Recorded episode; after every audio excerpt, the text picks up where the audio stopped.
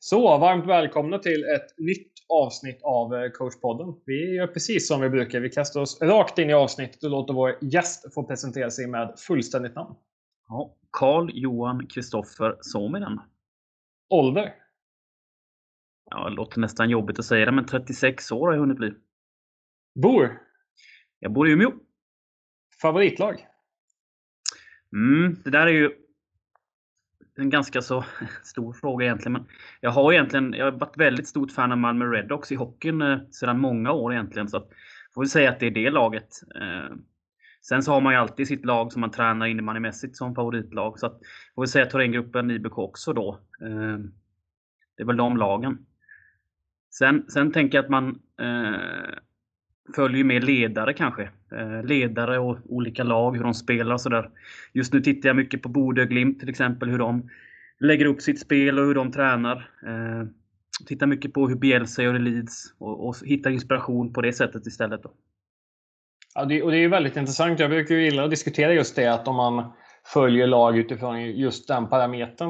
Eh, vad liksom, finns det något konkret du har hämtat upp liksom, som man kan ta som exempel från något, eh, något lag eller så? Nej, men Bodö Glimt eh, har ju ett kanske speciellt sätt att träna. De tränar ju extremt liksom. Eh, alla lag på elitnivå tränar ju matchlikt, men de gör ju allting liksom, i högt tempo och, och vill träna så matchlikt som möjligt. Jag skulle säga att där tittar jag väldigt mycket just nu eh, och försöker göra om till, till eh, vårt sätt att tänka och hur vi kan ju använda det i vår verksamhet eh, lite grann. Och om du då tänker din egen eh, coachresa Eh, vart startade den och finns det några uppdrag längs vägen som du vill eh, nämna? Ja, alltså jag har väl egentligen bara varit verksam på damsidan. Jag började väl egentligen med att träna ett ungdomslag på pojksidan faktiskt, när jag spelade själv. Fastnade för det ledarskapet, att vara tränare och tyckte att det var väldigt spännande. Så att när jag slutade spela så hoppade jag på ett damlag utanför Kalmar i en stad som heter Oskarshamn. Eh, klubben heter Kraftstaden. Eh, så där var jag tränare en säsong i dåvarande division 1. Eh, och vi kvalade mot Allsvenskan det året.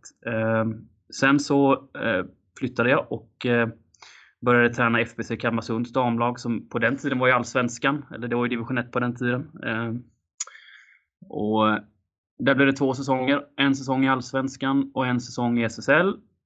Och sen efter det så har jag hunnit med eh, Linköpings damer och Moras damer i SSL. Och eh, nu de senaste två säsongerna har jag hamnat i Iksu och nu i Thorengruppen.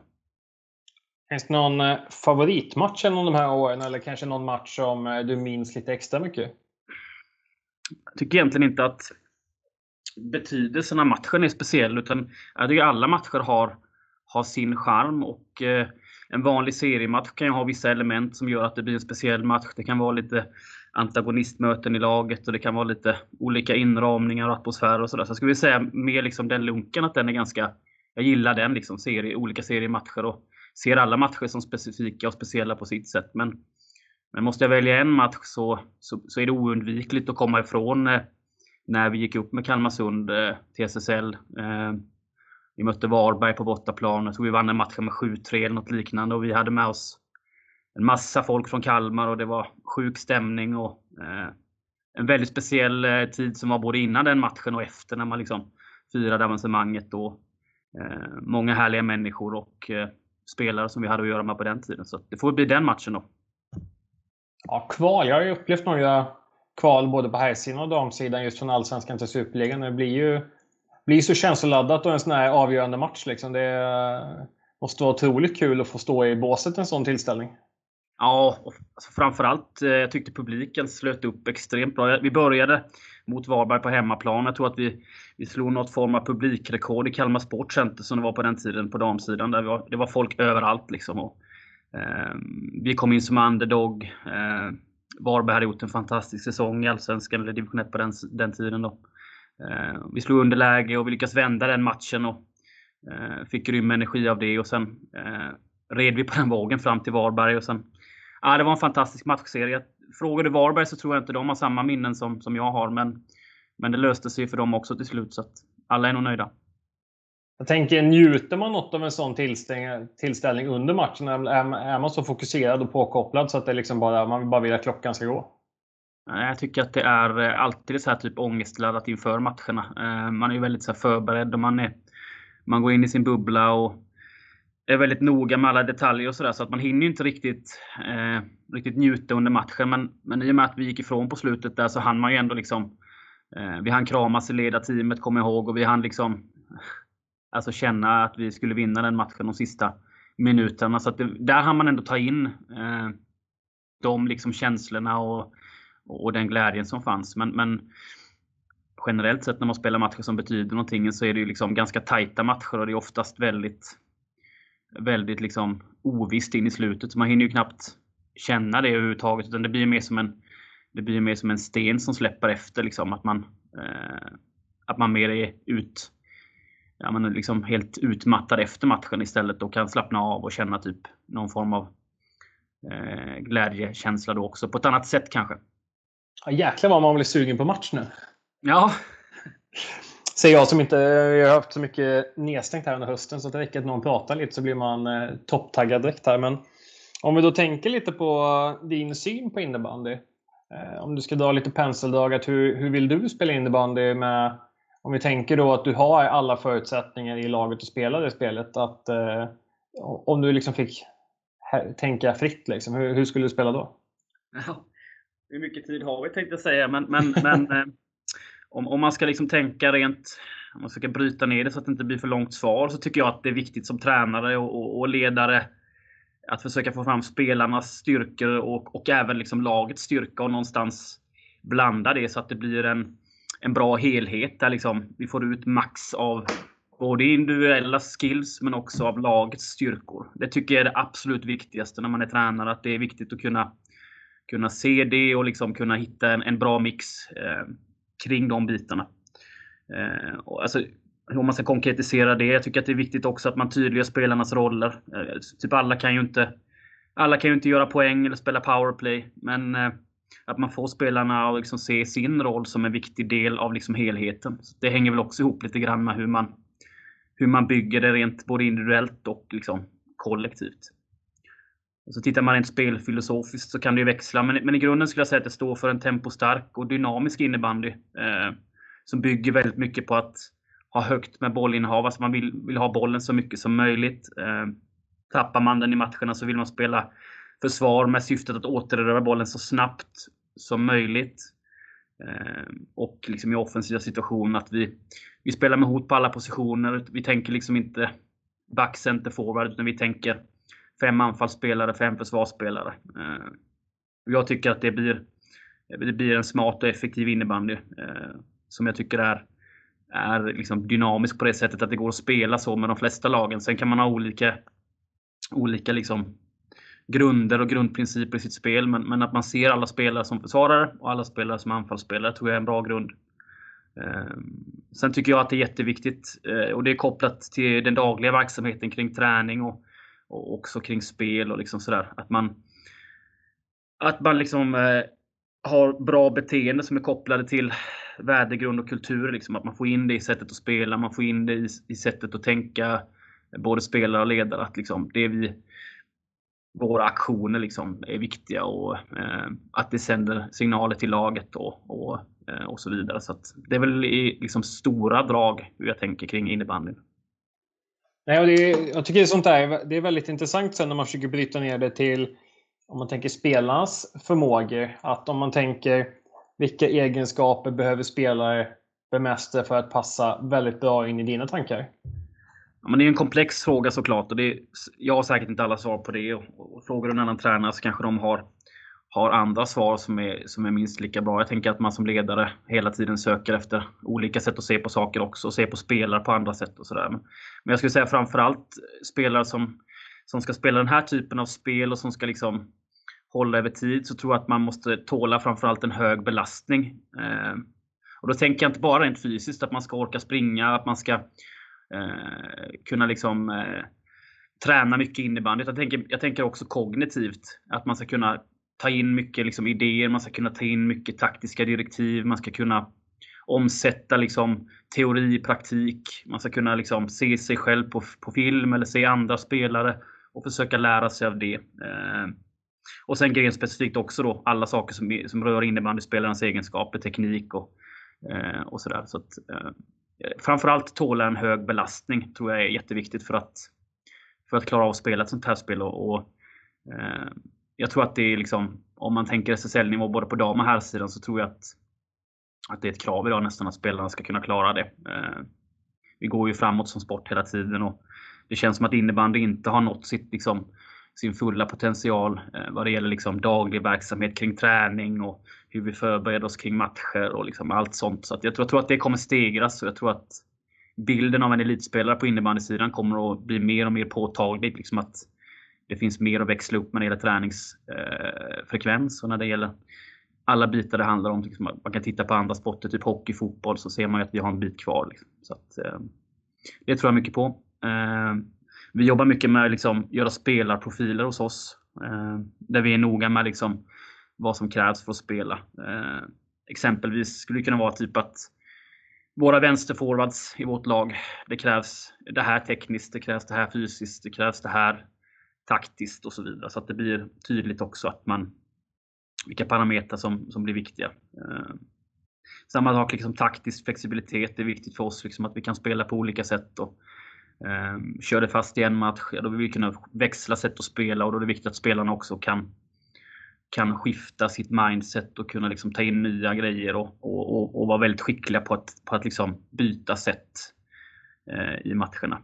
Eh, sen pratar vi mycket om att eh, beteenden som är gratis. Liksom alla kan backchecka, alla kan jobba hårt, alla kan täcka skott, alla kan sprida bra energi, alla kan liksom eh, vara en positiv kraft just för att få med sig laget. Så att, eh, vi har ganska många grejer som, som är vår spelarprofil som är viktigt för oss för att liksom säkerställa kultur och säkerställa att vi har, att vi har ett lag som mår bra och sådär. Så, att, eh, vi är ganska noga.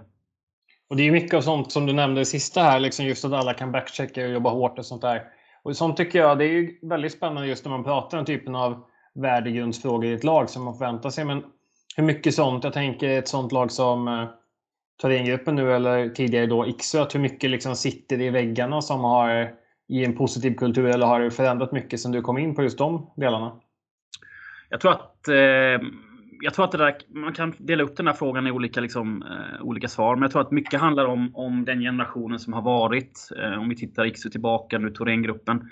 Spelare som har varit i, i ett lag över tid. Jag tänker om man har lite trafik i en trupp, då är det enklare att sätta en värdegrund och hålla kvar en kultur än om man byter ut tio spelare varje säsong. Eh, och det har ju varit så om man tittar historiskt att det har varit ganska mycket samma gäng. Eh, nu har vi kommit in med två lag här och vi har bytt ut en del spelare och det har liksom blivit nya konstellationer. Så att, eh, jag skulle säga att det är väl ett pågående arbete för oss nu. Eh, vi har med oss lite grann såklart, men någonting som vi jobbar hårt med och som vi tycker är viktigt eh, i vår verksamhet. Så att, I takt med att tiderna blir andra, liksom, samhället utvecklas, man följer en viss typ av mönster som det är i samhället. Det, det liksom präglas ju, det ser man ju i idrotten också, att det ändras liksom, hur man ser på saker och sådär. Så att jag tror att det är ett viktigt, eh, ett, ett, en viktig del i verksamheten att se till att verkligen att det är bra och säkerställa att, att vi, vi liksom står för det vi vill och att alla är med på banan och sådär. Eh, så en viktig del, absolut. Och sen en annan grej jag tycker är spännande, det är det här hur mycket jobbar ni, nu är det på liksom väldigt hög nivå, men hur mycket jobbar man med lagets spel kontra spelarnas kanske individuella egenskaper? Att hur mycket detaljträning kan det bli med en specifik spelare kontra med att liksom laget behöver träna upp spel? hur ser fördelningen ut där?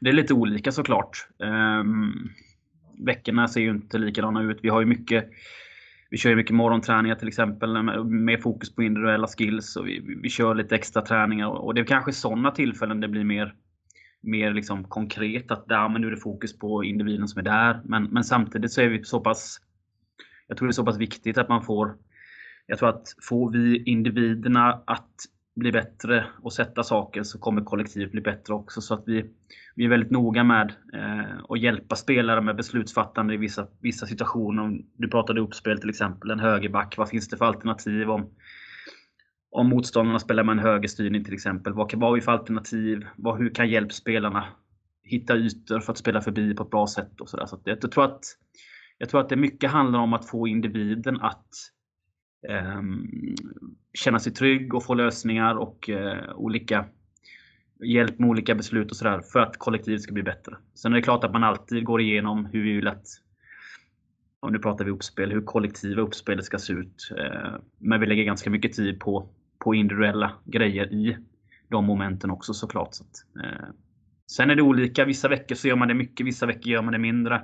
Eh, jag tror också på att, på att ha en verksamhet som är lite mer pulserande. Veckorna ska inte se likadana ut utan man kan ändra lite grann utifrån hur det ser ut. Då. Eh, det blir lite levande verksamhet över också. Det känns som att Ser veckorna likadana ut så känns det som att då går man in i något ekorrhjul. Jag tror inte alls på det. Jag tror att man måste ändra mycket och liksom, eh, eh, få spelarna att känna att det blir nya grejer och kanske nya, nya tankar och sådär. Så veckorna ser lite olika ut. Och hur mycket påverkas det i form av resultat? Att om man har gjort en match som spelarna kanske upplever som att det är ganska dåligt, att, eh, är det extra viktigt att göra om då? Eller har du någon liksom sån preferens till det? Nej, men det är klart, vi sitter ju... vi jobbar ju mycket med video, eh, så att spelarna får ju...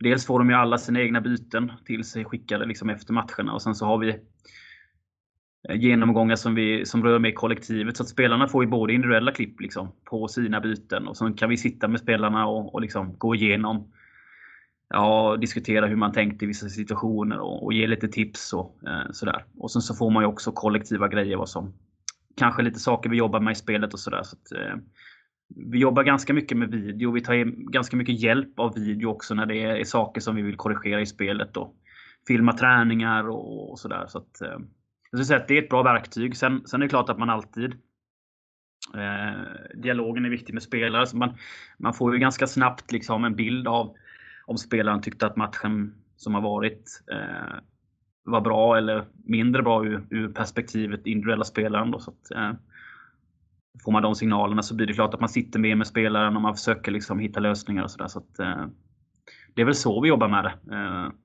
men som jag sa innan, jag tror att det är jätteviktigt att man får individen att känna sig Känna att den får verktyg, känna att den får liksom eh, andra sätt att tänka och hjälp med beslutsfattande och så vidare. Då tror jag att man kommer ganska långt faktiskt. Du nämnde det här med video som jag vill, det vill jag direkt dyka in på. att eh, Om vi då tar processen att slutsignalen har gått och matchen är slut. Eh, hur ser liksom efterarbetet här ut med hur mycket liksom kollar du igenom? Hur mycket skickar ni klipp? Och liksom, du nämnde att alla spelare får byta. Kan du beskriva den processen lite? Ja, jag vågar knappt säga. Men vi tittar ju. Eh, jag tittar extremt mycket på matchen efter. Eh, brukar titta om man säger att man spelar en match som är slut på eftermiddagen fyra kanske, så kommer man hem. Så jag kan titta på det minst två gånger i alla fall. Eh, för att skapa en... Eh, ta bort liksom eh, känslorna som har varit i matchen. Jag tycker att man ofta när matchen är slut. Jag, jag gillar inte de här samlingarna liksom, generellt sett vid målet efteråt där man ska göra någon hobbyanalys över hur det har sett ut. Jag vill, jag vill ha, ge en nyanserad bild till spelarna. Jag vill att vi ska ta bort liksom känslobiten utan jag vill ha rå fakta. Liksom. Eh, och då tror jag att man kan stänga matchen lite snabbt i den här ringen där efter matchen och sen så åker man hem. Så tittar man på matchen en till två gånger för att ta bort de här känslorna, ta bort de här eh, tankarna man hade i båset för att få liksom eh, en mer neutral syn på matchen. Och, och, sen efter det så sätter vi oss ner och liksom eh, utifrån de grejerna vi har tittat på. Vi, ibland så kollar man ju på, på försvarsspel, ibland tittar man på anfallsspel och det är också i de cyklerna man har. Vilken, vilken del av säsongen är det? Vad, vad liksom jobbar vi med i veckorna? Och sen så klipper vi ut eh, klipp till spelarna på kollektiva grejer eh, som rör de punkterna vi har i spelet. Eh, och sen så har vi en kille som heter Janne som sköter de individuella klippen. Så då klipper han ihop alla klipp till spelarna så att de får alla sina byten. Eh, och sen eh, kollar de spelarna kollar på de klippen själva. Vi brukar ha en till två genomgångar per vecka ungefär eh, i regel. Ibland lite mer, ibland lite mindre. Men, eh, där vi går igenom utvecklingspunkter och så vidare. Så att, eh, ett gediget jobb. Eh, men vi tror att, vi, jag, tror, jag tycker att det är ganska bra.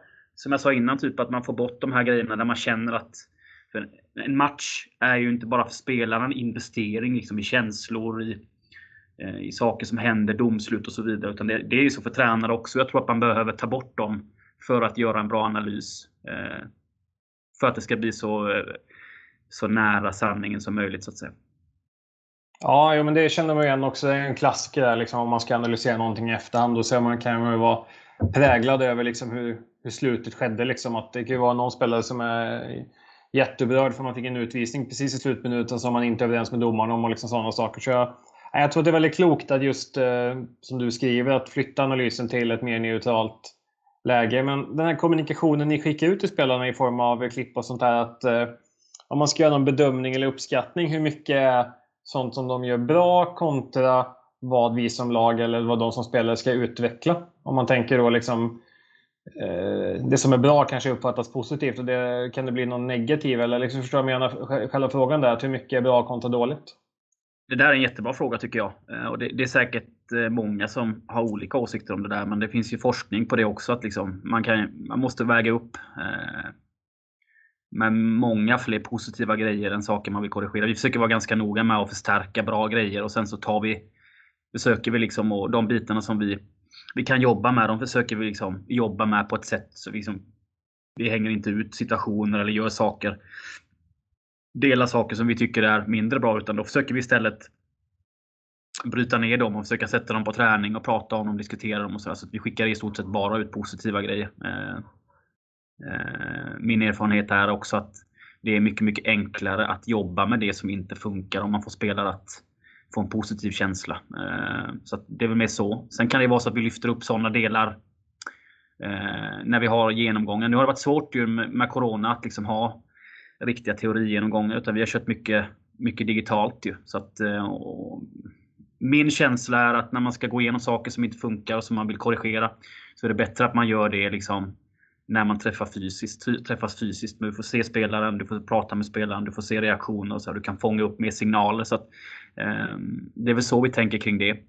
Sen ska jag inte säga att vi bara skickar ut alltså bara positiva grejer. Det finns ju saker som, som eh, inte liksom men vi, generellt sett så skickar vi bara ut sånt som är bra och förstärker bra beteenden och försöker liksom lyfta upp de bitarna som vi vill korrigera. Eh, antingen med praktisk teori som det varit mycket nu i och med att vi inte kan samlas så många då. Eh, och på digitala plattformar. Men, men annars brukar vi ha ganska långa genomgångar. Vi brukar ha ganska mycket genomgångar i veckorna eh, där vi går igenom saker på video och tittar på utvecklingspunkter i vårt spel. Så att, eh, eh, det har varit en svår säsong på det sättet hittills just att man inte kan kan, eh, eh, kan köra på som vanligt. Men, men jag tycker också att det är jag tycker att det är sjukt bra jobbat av liksom alla i vår verksamhet att man kan anpassa.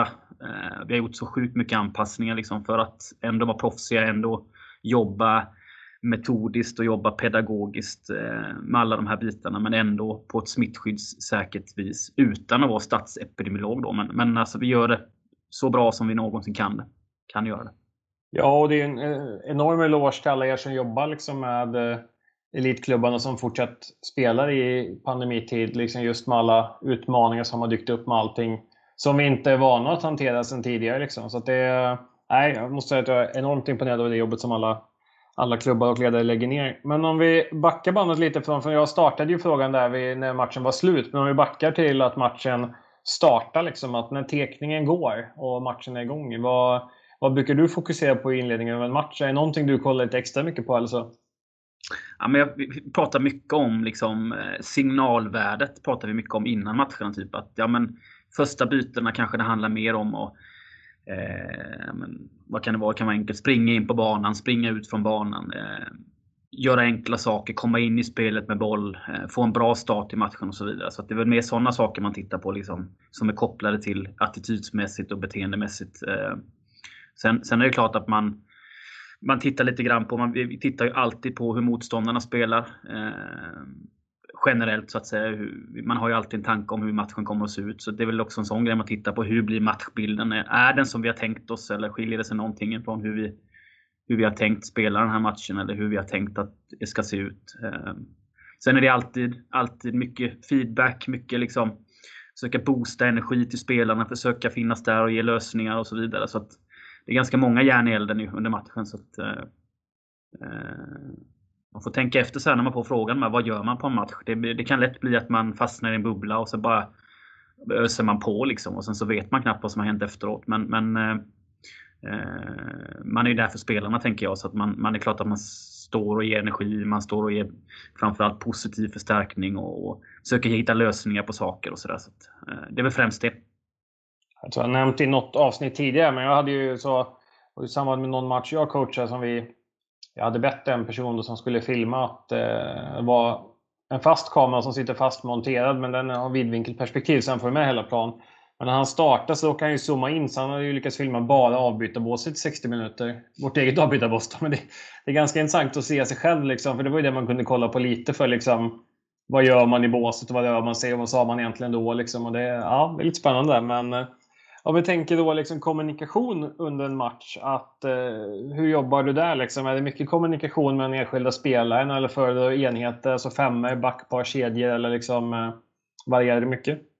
Jag tror att kommunikation är väldigt viktigt. Jag tror att det, jag tror att det är extremt viktigt i dagens tid också liksom när vi eh, samhället ser ut som det gör liksom, och det är mycket fokus på eh, fokus på att individen ska lyckas och sådär. Jag tror att det är viktigt att, vi, att man som ledare är kommunikativ och det tror jag inte bara under matcher utan jag tror att det är viktigt under veckor och liksom eh, få spelare att eh, lyfta blicken, få spelare att tänka på lång sikt och så vidare. Så jag tror att det är jätteviktigt med kommunikationen. Eh, och det är klart att man jobbar extremt mycket med det på match. Eh, sen tror jag man är olika också. Eh, eh, jag tänker att det kan också sådär, jag tänker om man liksom om man ser att en spelare hamnar i ett mönster hela tiden, det händer en, två, tre gånger, då kanske man tar specifika grejer med spelaren.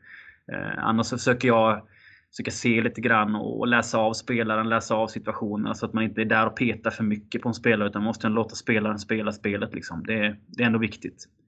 Eh, annars är det mest femman vi pratar med. Försöker samla femman, försöker prata kort liksom utvärderat. Vi tar ju mycket statistik på matcherna och statistiken får ju spelarna eh, till sig med jämna intervall liksom på, på, eh, under matchen. Till exempel om vi jobbar med en matchpunkt, skott på mål till exempel. Och sen har vi skjutit två skott på 10 minuter, då, men då, får vi femman, då samlar vi femman. Liksom. Kommer ni ihåg, vi har bestämt det här. Eh, nu måste vi ta bollen till kassen mer. Och typ, sån typ av feedback som är kopplat till våra matchpunkter mer skulle jag säga. Eh, är väl det mesta. Då. Och finns det då någon form av feedback som du känner att det här är svårt att liksom lägga in under brinnande match. Att det här kanske är bättre att vi sparar till periodpaus eller känner du mer att du bränner av allting i takt med att det kommer? Nej, jag tycker att det är viktigt. Alltså, som jag sa innan, ibland så är det bra, är bra att inte säga för mycket utan låta spelare ah, men det kan vara i början av match till exempel om en spelare har svårt, att, svårt med passningsspelet. Då behöver inte jag vara där. Utan låt spelaren växa in i matchen och då ge istället boosta den spelaren. Kom igen, kom in i det liksom. Och gör det enkelt och lite småtips istället. Ehm, medan om det är större grejer som händer, vi åker på massa spelvändningar, vi tappar bollar på, på speciella ställen där vi har pratat om att vi, att vi liksom vill försöka undvika att göra det på. Då är det mer sådana grejer man går in på. Eh, saker som upprepar sig, det blir ett mönster i, i bytena och så vidare. Det är typ sådana grejer man går in på. Eh, skulle jag säga. Eh, så försöker man att hålla de stora korrigeringarna, om man ska gå byta i femmet till exempel, eller om man ska matcha på ett visst sätt eller gå ner på folk, eller vad det kan vara. Söker vi ändå, det är klart att man kan göra de korrigeringarna på, på bänken där och då, men vi försöker ändå att eh, och göra det på ett bra sätt liksom, så att det blir tydligt och bra. Och det, du ska få passa på att skicka lite tips här. Att, eh, du får skicka ett tips då till alla ungdomstränare i innebandy Sverige vad de borde försöka träna lite extra på med sina ungdomslag. Har du någonting du känner att det här skulle den generella spelaren behöva ha lite bättre skolning på? Alltså jag tänk, det är mycket ju. Alltså jag tänker att eh, det absolut viktigaste någon tycker jag är att alltså man måste se och bekräfta människan bakom spelaren. vi är människor. Vi, vi kommer ju aldrig vara maskiner. Så jag tror att för att man ska få en, en spelare, det gäller inte bara ungdomsnivå, det gäller ju på på seniornivå också.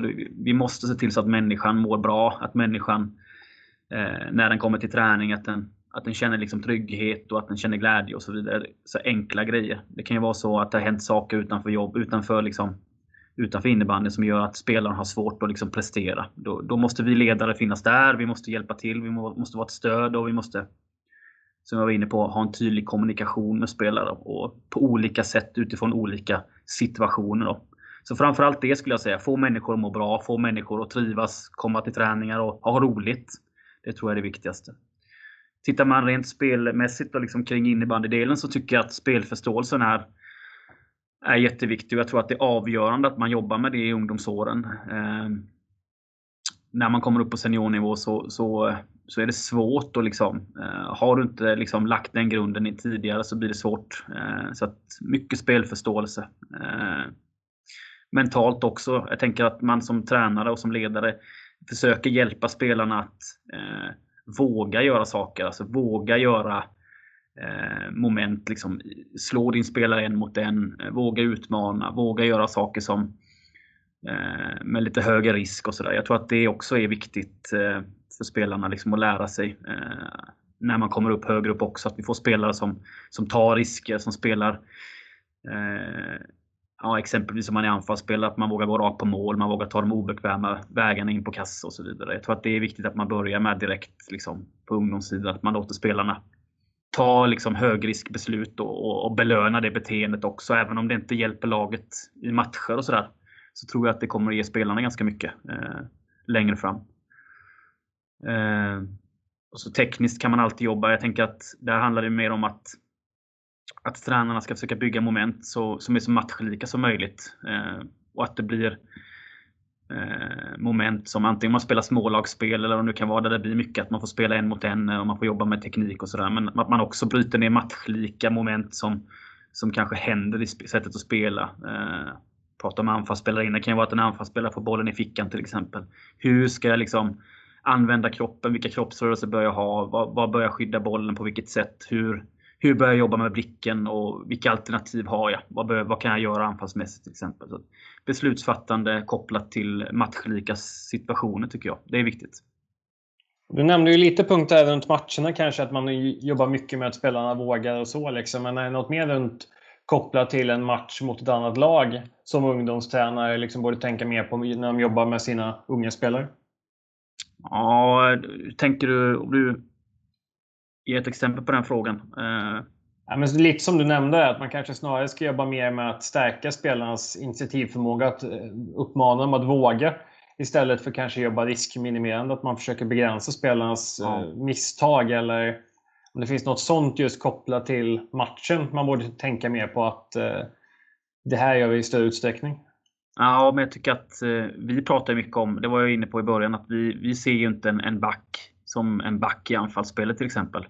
Vi ser ju alla fem spelarna som, som ett dynamisk, dynamiska spelare i anfallsspelet, eller hybridspelare, kalla vad du vill. Liksom. Eh, mm. Men alltså att, jag tror att det är också viktigt att man som, som ungdomsledare liksom, eh, hjälper spelarna att tänka utanför boxen, tänka utanför sin komfortzon. Och, och liksom, är det en back som är skicklig en mot en, ja men vad är det som säger att inte den backen kan vara en offensiv kraft då? Alltså frigöra lite mer, eh, låta spelarna låta spelarna spela ut på, på ett mer tydligare sätt. Det kanske inte går när man kommer högre upp i seriesystemet på samma sätt. Men jag tror att har man med sig de bitarna så, så kan vi motverka hur det ser ut.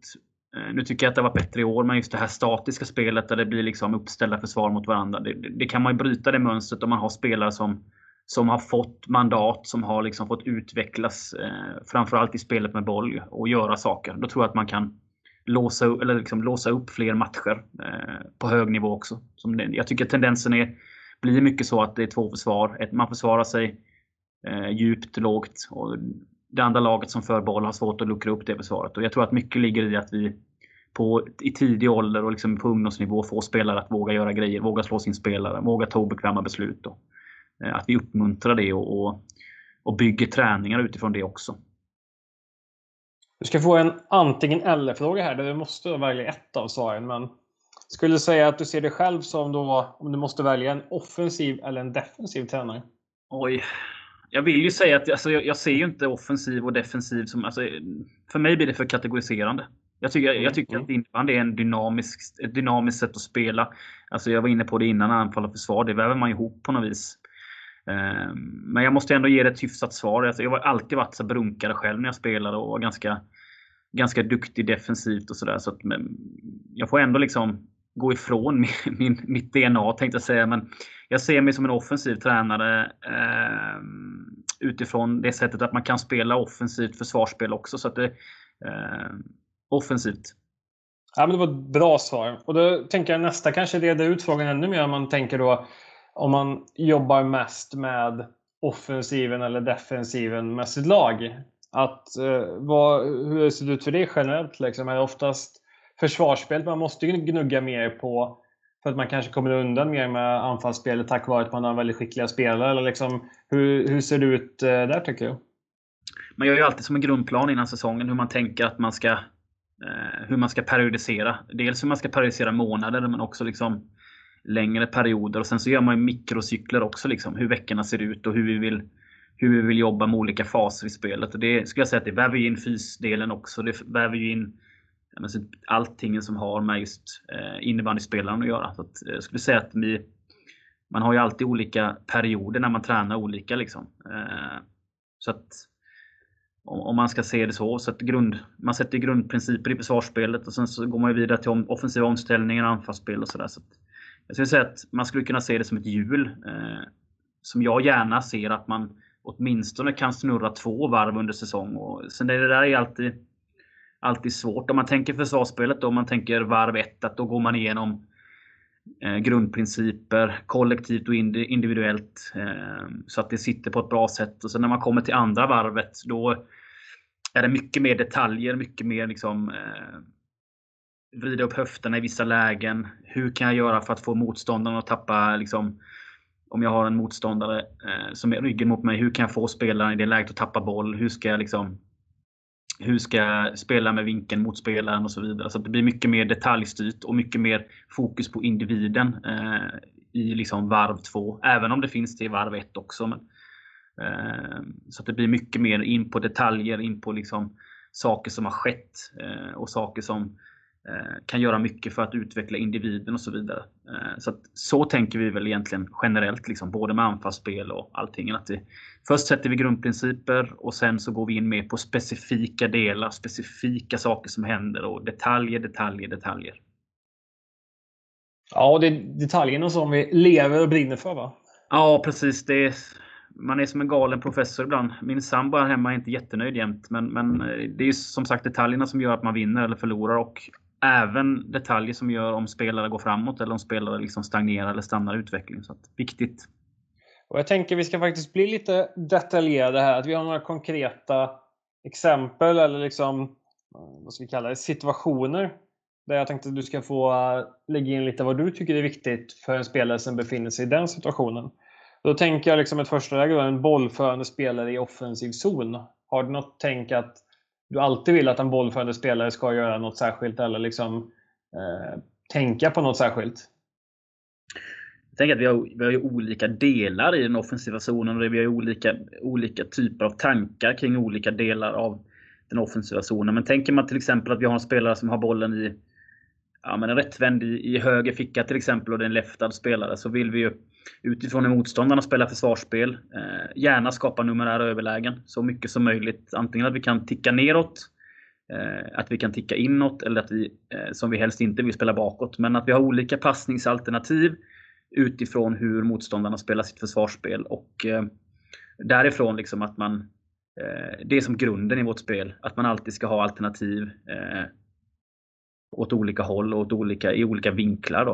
Eh, Sen är det mycket hur, hur min närmsta motståndare kommer att agera om jag får en back mot mig i fickan till exempel. Vad, hur har den backen sina fötter ställda? Är de rakt mot mig? Hur, hur ser blicken ut? Var, var placerar spelaren klubban någonstans? Eh, försöka skanna av det så fort som möjligt. Liksom. Vad, vad finns det för alternativ här? Men stänger han nedåtspel, då kan jag ju inte göra det. Eh, Eh, och därifrån ta beslut. Vi vill alltid gå rakt på mål ifrån fickorna till exempel. Så att utgångsläget är att vi tar alltid bollen inåt framåt eh, mot motståndaren. Och, eh, sen utifrån hur motståndaren agerar så kan vi gå på eget avslut eller vi kan, vi kan, vi kan liksom pausa eller frysa till och eh, eh backa bak och hitta vinkeln och spela två mot ett. Eller vi kan liksom eh, göra vår spelare. Det finns olika varianter för det, men framförallt att vi, att vi har olika eh, olika mönster i vårt spel där det finns olika lösningar. Eh, och utifrån motståndarens aktioner också kunna använda motståndaren som sin egen svaghet så att säga.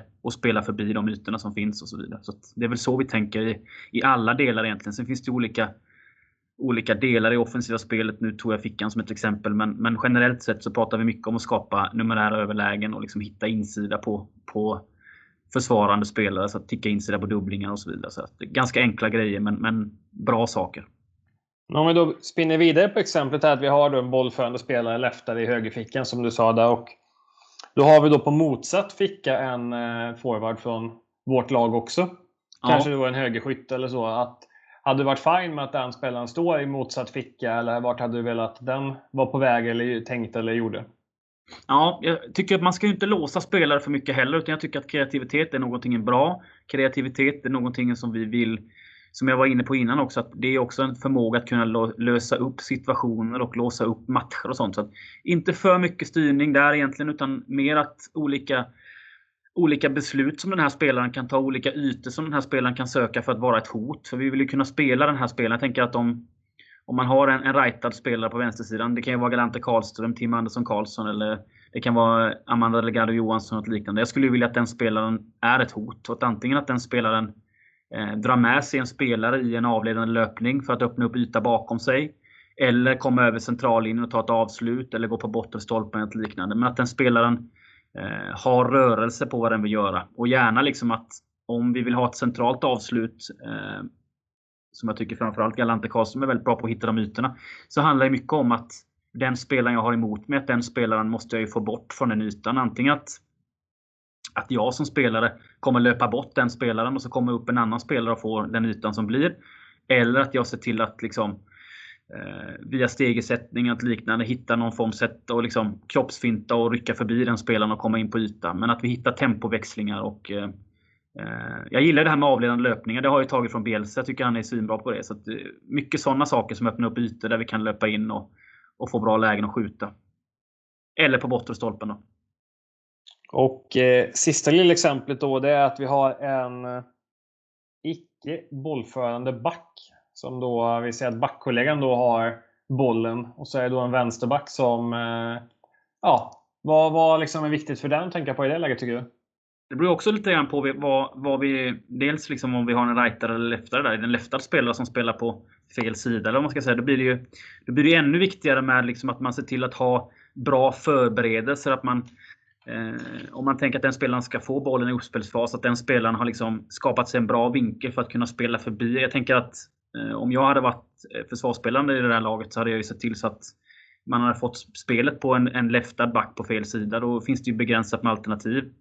Eh, och att man ser till att man har Dels att man har bra förberedelse innan man får passningen i och med att man, man har vinkeln utåt så att säga. Eh, om man är vänster, vänsterfattad i det läget. Så då, då då är det viktigt att man har bra förberedelser, man har skapat sig vinklar för att kunna spela förbi. Eh, eller att man liksom har löpt upp med en spelare och liksom eh, kommit ner med nästa spelare och skapat en rörelse. Och som jag sa innan, få bort motståndare, skapa mer tid och sådär. Men, men eh, Eh, skulle det vara en rightare till exempel så skulle vi vilja att den spelaren kommer in centralt eh, för att kunna använda både liksom eh, mitten, spela diagonala uppspel, men också kunna vika ut den på samma sida. Att vi liksom någonstans drar in motståndarnas spelare centralt i banan för att öppna upp fickorna och kanterna till att börja med och därifrån starta vårt anfallsspel.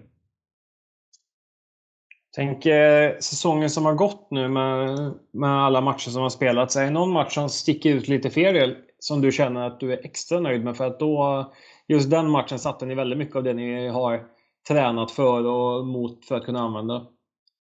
Ja, det är så, man tänker ju olika om olika matcher, men jag tycker att vi eh, vi har många delar av matcherna som vi tycker vi har gjort bra. Liksom, att vi har vi har kanske inte riktigt fått till de 60 minuterna som vi vill rent 100% spelmässigt. Men det, det, ser vi som en styrka att vi liksom är på väg dit. Och, eh, vi blir bättre och bättre. Men jag tycker att vi gjorde en, en, en riktigt, riktigt bra eh, krigarinsats mot, mot Pixbo borta. Vi vänder den matchen. Jag tror vi ligger under 0-2 inför tredje perioden. Och, och, har ett riktigt, riktigt bra snack i omklädningsrummet. Och det känns, den matchen så tycker jag att vi, vi kom ihop som grupp på ett fantastiskt sätt. Alla spelare checkade in och tog, tog sin roll för dagen som liksom erbjuds och gjorde det för laget och, och hade bra beteenden som vi pratade om innan och sådär. Där liksom krigar vi ju ner Pixbo i, i sista perioden. Och, Eh, den är jag nöjd med rent attitydsmässigt och liksom hur vi tar oss an den matchen. Vi hade spelare borta och så vidare också. Eh, så att, eh, det är väl ett, en match som jag känner rent spontant att vi gjorde. Det kanske inte var världens mest välspelade match. Och, men, men, men sättet som vi vände den matchen på. Jag tycker vi visar mycket vinnarmentalitet och vi visar en kämpaglöd och liksom eh, många, många saker och många komponenter som jag tycker att eh, ett lag som, som mår bra har. Liksom. Eh, så det är väl den matchen. Sen tycker jag att vi har gjort många bra delar av matcherna. Vi, tyvärr förlorade vi matchen hemma mot Endre innan jul. Jag tyckte vi gjorde en eh, åtminstone en och en halva matchen jätte, jättebra. Och vi leder väl den matchen med 4-0 tror jag. Sen, tyvärr så har vi problem att knyta ihop säcken på slutet där och, och förlora i sadden. Men, men det kanske är den bästa halvan rent spelmässigt. Eh, det svider ju att säga det och ta upp den matchen eftersom att vi förlorade. Men, eh, men, men, men eh, det är väl så jag tänker kring matcherna, eller så vi har pratat också. Att det är framförallt de två matcherna som har stuckit ut på olika sätt. Sen är vi alltid glada för att vinna. Vi, vinner vi en match som har varit tight eller vinner vi en match som har sprungit iväg så spelar det ingen roll. Utan vi är alltid glada och vi är alltid liksom lyckliga över att liksom vinna matcher. Det är det det går ut på i slutändan. Så det är viktigt för oss. Tillvägagångssättet hur man vinner en match. Det har varit väldigt mycket debatt genom åren här. Liksom att eh, Vissa lag tycker att de har förlorat en match med andra laget spelar tråkigt. Och liksom det här liksom att eh, Har du någon åsikt i debatten? Är liksom resultatet överlägset det viktigaste? Eller finns det även en vits i liksom hur man spelar sin innebandy? Ja, jag tycker att det är viktigt hur man spelar sin innebandy. Sen, sen eh, får du jättegärna intervjua mig när det har varit, upp, alltså när det har varit tvärtom. Liksom. Eh, för det, det, det, handlar ju också om att vinna såklart. Jag tänker att eh, vi, vi har ett ansvar, både vi spelare och ledare, att göra produkten så bra som möjligt och utveckla innebandyn. Och jag, jag tror att jag, tycker jag är jättelycklig och jätteglad över att se att det är så många lag i SSL Dam i, i år som, som tävlar på ett helt annat sätt och alla slår alla och det är en jämn serie. Och, fått mycket frågor om liksom, eh, liksom topplagen, att de inte presterar. Men jag skulle vilja vända på det och säga att jag tycker att det är många bra tränare och många bra lag ute i, på damsidan som gör bra grejer. Och, eh, eh och det, alltså, många lag spelar med en hög press, spelar med ett högt försvarsspel. Många lag har bra skills på sina spelare. Så jag tycker att det är jättebra för, för innebandy som sport. Sen, sen går det ut på att vinna och jag tycker att det är viktigt att ha en vinnarmentalitet och att det är viktigt att vinna. Eh, även om det såklart är viktigt hur det ser ut också för innebandyns utvecklings skull och för att man liksom eh, har ett ansvar dels kring hur spelet ser ut men också att det liksom eh, Annars behöver vi inte träna i veckan om vi inte har en spelare vi ska följa och vi vill bli bättre. Liksom. Eh, men, men, men vinna är viktigast. Eh, det måste det vara. Mm, och det måste finnas den Eh, den naturliga liksom, eh, längtan och strävan efter att vinna. Det tror jag är det viktigaste. Men, men samtidigt är det viktigt hur det ser ut. Så att, eh, jag målar in mig lite törn där. Jag säger att båda är viktigt. Men, men, men jag tror ändå att liksom, såklart vinna är viktigast. Men, men du förstår säkert hur jag menar med att spelet också är viktigt ur olika anledningar. Liksom, olika perspektiv. Jag är helt med på vad du menar. Du kommer undan med att svara båda i och med att du motiverar ja. dina svar så väl. Men jag måste säga, jag tycker det är jättekul att du nämner också just det här jämnheten i SSL dam. För det är min upplevelse också att det har ju hänt någonting i år där liksom det är inte lika tydliga liksom, avsågade bottenlag och liksom, jag tycker även de lagen som ligger nedåt att de spelar bra och gör bra saker och kämpar och sliter på ett liksom, förtjänstfullt sätt. Eh, och det är kul liksom du kan i stort sett koppla på vilken SSL dammatch som helst och liksom ändå få liksom en ganska bra, ganska bra fight. Absolut. Och, och, det är ju all cred till, eh, cred till alla lag och alla liksom, allt ifrån ungdomsverksamhet eh, i alla föreningar och liksom till, till på förbundsnivå till, till eh, läger, talangläger och så vidare. Alltså vi, vi blir bättre och bättre på att liksom, eh, utveckla spelare. Och, eh, sen skulle jag säga att spelare blir, som jag var inne på också, sporten går ju framåt och vi är Många tränar mer än någonsin just nu och så vidare. Och så vidare. Så det, vi kommer, det kommer bli ännu, jag tror att den här trenden kommer vara tydlig. Jag tror att det kommer vara likadant nästa säsong också. Och sen, jag tror att sporten mår bra av att det är jämnt. Eh, så att, eh, kul! Finns det någon match du ser lite extra mycket fram emot? Kanske det här laget för att det är roligt att möta dem eller något lag du vill ha revansch på eller något sånt? Jag är jättetråkig generellt skulle jag säga. Men, men eh, svaret blir också tråkigt. Men jag ser alltid fram emot kommande match. Så det är så himla...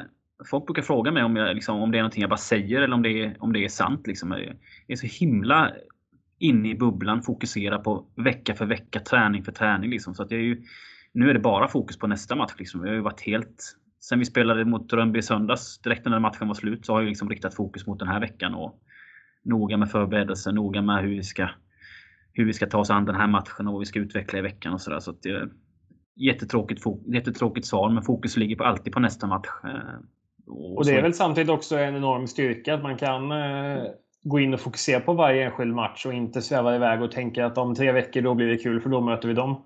Det blir ju liksom, kan ju också leda till ett eh, ja, skev planering och sånt där. Så jag tycker det är väl en jättestyrka att kunna gå in i varje match och fokusera fullt ut på den.